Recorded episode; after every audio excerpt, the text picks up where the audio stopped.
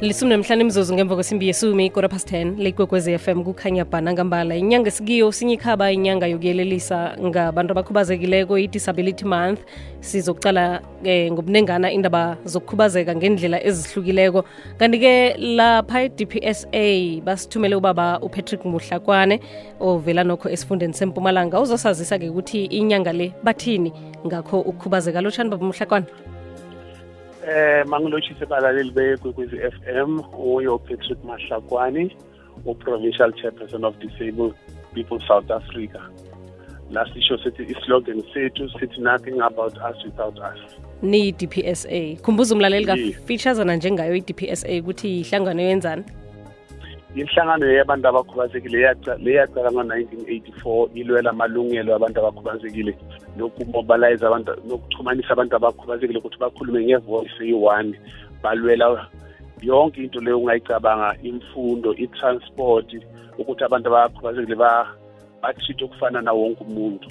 Mm. ilwela amalungelo abantu abakhubazekile. Niyayiwina ipenilwa kule sorry ngithi niyayithumba ipi enilwa kwayi-winning um njengoba uthi nilwela amalungelo obuntu ya ngasho ngithi eh ikhona i-progress lesingasho sithi siyabonakala ngoba ukhumbule sicale ngo-84 mm. but now eh kukhona lo eh lokubonakalayo njenge imithetho leyiseyikhona ku-government efana ne eh ma-policies la la azama ukuthuthukisa impilo zabantu abakhubazekile imfundo eh umsebenzi bakhona la bayathola-thola. Noma singakafiki ngathi to the maximum la sizothi sesikhululeke siso kahle kahle but eh ikhona i-progress kancane. Rakelo phambili lona likhona sethokoza baba mahlakwane khawusicocele ngenyanga likanovemba i-disability month itsho ukuthini?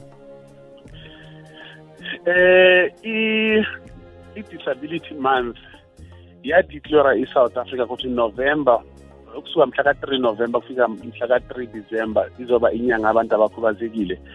But i-3 december ya inhlangano leziningi ze-united nations zadeclara ukuthi mhla ka-3 kuzoba international day. Then i-south africa yona yathi thina esi-government of south africa sizayenza ukuthi sibe nenyanga le izawufocusa kubantu abakhubazekile le kuzoba mhla ka-3 december i mean 3 november to 3 december. So lokhu kusho khona ukuthi kule nyanga leyo i-focus leyiningi ifanele ibe ekuthuthukiseni impilo zabantu abakhubazekile. Kukhulunywe nabantu abakhubazekile kukhulunywe ngema-challenges lafiso abantu abakhubazekile. Siphinde sicelebrate eh intuthuko leyo ngathi seyikhona seyikhona kancane. Siphinde si sibonisa abantu ukuthi abantu abakhubazekile banelikhono lelithile yabona? Manje le platform le yenzele vele ukuthi abantu bakhona ukushowcase likhono labantu abakhubazekile nekuthi sifundise futhi umphakathi wokukhubazeka. Ngoba la sihlala khona vele abantu labaningi bayasibona bayazi ukuthi sikhona but abazi ukuthi bangasisiza kanjani. Nathi asazi ukuthi singasebenzisana nabo kanjani ngoba uma basibuka labanye babuka abantu laba bangakapheleli abanye babuka abantu labagulayo kanti asiguli so into lefunakalayo ukuthi kule nyanga lena kufundiswa abantu siphinde sikhombise imisebenzi abantu abakhubazekile siphinde siyenze ukuthi even nama-department nawo ayenze something ukufundisa abantu ngokukhubazeka hmm. Kuzokala kamnandi manje sike i-dpsa nihlele ini ninamahlelo nawo kiyo inyanga le yokuyelelisa. Yini kuzokwenzakala? I-dpsa ngokusebenzisana ne-government izolo for instance bekulontsha i-program yomnyaka I mean yale nyanga lebe silontsha na-mec lebe ilontshe i-mec ya-social development with other uh, stakeholders bo-municipality um government departments nalama organization abantu abakhubazekile. Ukhumbule ukuthi sisebenza sonke kule ndaba ye-disability akubi i-DPSA kuphela. Kodwa izolo for instance thina sicale mhla ka-six ukuba nema-event. I-event yokucala beyilapha emakhazini la besiyenze i-one stop service. La besizama kubiza abantu abakhubazekile labanama-challenges bazobhalisa labafuna ama-assistive devices bayabhalisa labanye bebanikezwa khona izolo lapha emakhazini. And then kusathutshekwa iprogram inze kabi anginokhona kuyifunda yonke but kodwa akhona kukhona lokuningi lokwenzakalayo. Uma ngabe um ungangivumela ngingakhona nje ukuthi ngifunze just lay one or two ngikhombise ukuthi kwenzakalani. Like mhla ka-16 kune-donation of refrigerator to disabled center ezama ukuhle. Um then mhla ka-19 kune-awareness campaign enkomazi. So kuningi and then kune-sign language training mhla ka-19 enkangala district kamasipala. And then mhla ka-19 again kune-inepi run. Um iviki ayisekaconfirm but izoba khona eh ngiyacabanga la ehlanzeni. And then ethembisile sine i-beauty pageant le izoba ifocusa kubantu abakhubazekile yona izoba mhla ka-23 so leli hlelo likhona uma abalaleli bafuna more information ukuthi sibathumelele le le calendar yama-activities yakhona ukuthi sibathumele ukuthi bakhone ukwazi ukuthi kwenzakalani. Kodwa lokubalulekile njengoba kuchazile ukuthi wonke umuntu kumele azi ukuthi kuyi-disability month bona bahleleni. Bafuna sibasize kanjani ngokusebenzisana nathi? Mm. ngoba njengoba ngichazile islogan sethu sithi nothing about us without us. Kushuthi abantu akumelanga bahlele izinto bathi bayenzela thina bangakasebenzisani nathi. Ngoba bayenza izinto wrong. Or kanti uthole ukuthi lokhu bayenza khona akusekhona lokhu thina sifuna khona. Kumele basebenzisane nathi. And ekusebenzisani nathi zakhona kuba-gayida ukuthi thina sifuna lokhu. Ngoba ekuqaleni abantu bebasiplanela bayenze yonke into uthola ukuthi it's all wrong. Abanye they will even go to an extent yokuthi ba-fundraise ngeligama labantu abakhubazekile baba nale mali ingafiki kulabantu abakhubazekile. So it's not only about i-d p s a ukuthi yona yenzani but kuba i-d p s a ngokusebenzisana naletinye tinhlangano ukuthi eh singayenzani ekuthuthukiseni impilo zabantu abakhubazekile.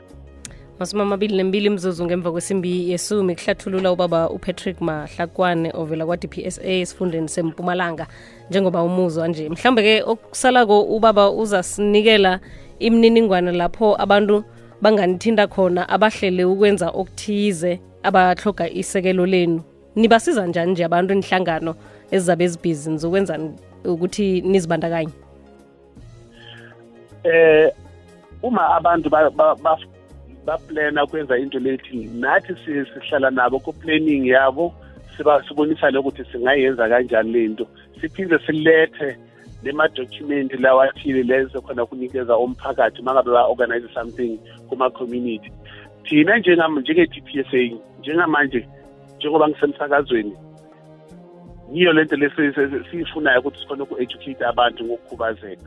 So abantu lemakhaya or ebukhosini or noma kuphi uma ngabe nabo banethi inhlelo mabasibize sizosebenzisana nabo. Because sina sithokozela noma yiphi i-platform la sifika sifundisa abantu khona. Ngoba i-challenge le ikhona eh into eziningi azihambi ngoba like for instance uma ungabuka kule nyanga lesibuya kuyo angithi yona bekuyi-transport month.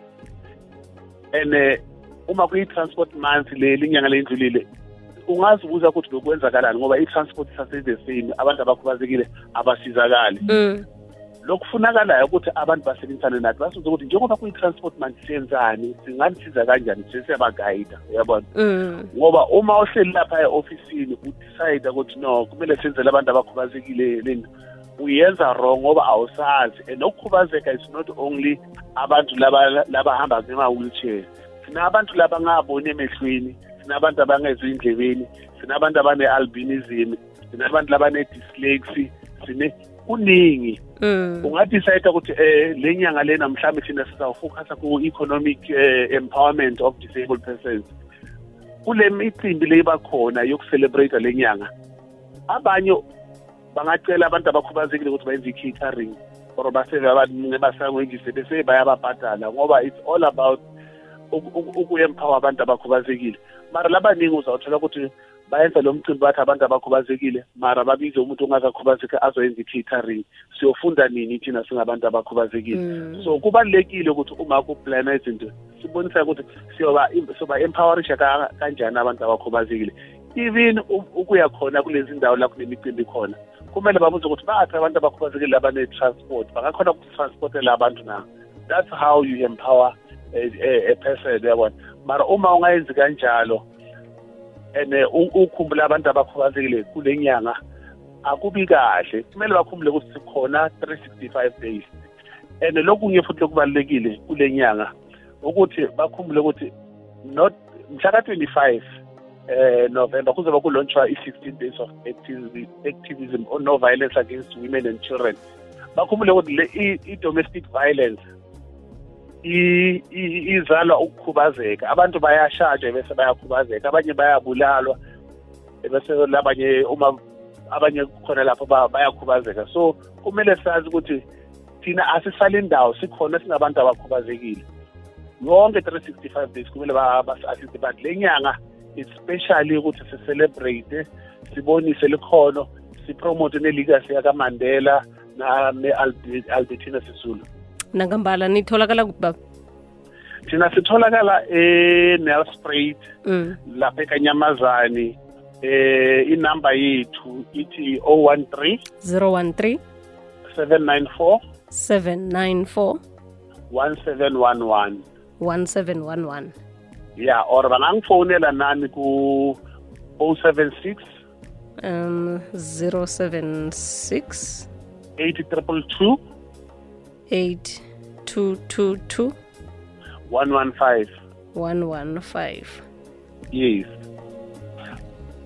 iwebsayithi ye-dpsa uh, www dpsa org za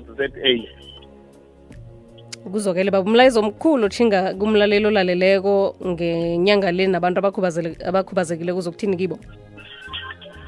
Abantu abakhubazekile mabaphume. Nabo babonise likhono lwabo mabaphume basize abantu labafuna ukusizwa labafuna uku-understanda i-disability because sine-responsibility yokuthi sifundise umphakathi nge-disability. Sibafundise ngathi ngoba abasazi bamanje bafunda kumapholisi ukuthi abantu abakho kumele nabo baphume bahambe bashowcase and le misebenzi abantu abakhubazekile leyikhona kulama-centers mabayiveze ngaphandle abantu bakhona ukuthenga. Mm, ngoba esikhathini lesiningi nawe i'm sure uke wathi la uhamba khona for instance wabona umuntu okhubazekile lo odlala i-keyboard esitrateni uzibuze ukuthi le talent yakhe leyo wesitika lapha esitrateni singayithuthukisa kanjani uyabona? Kuningi.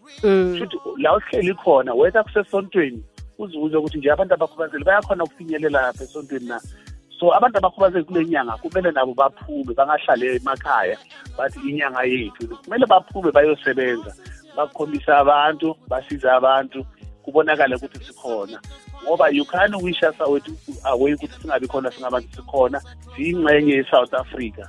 And asinayo eplanethi yethu la sihlala khona sothwana sihlala la kuhlala bonke abantu. So kuyafunakala ukuthi baphume nabo eh bathole lokuthile ba-educate bafundise abantu ngokukhubazeka.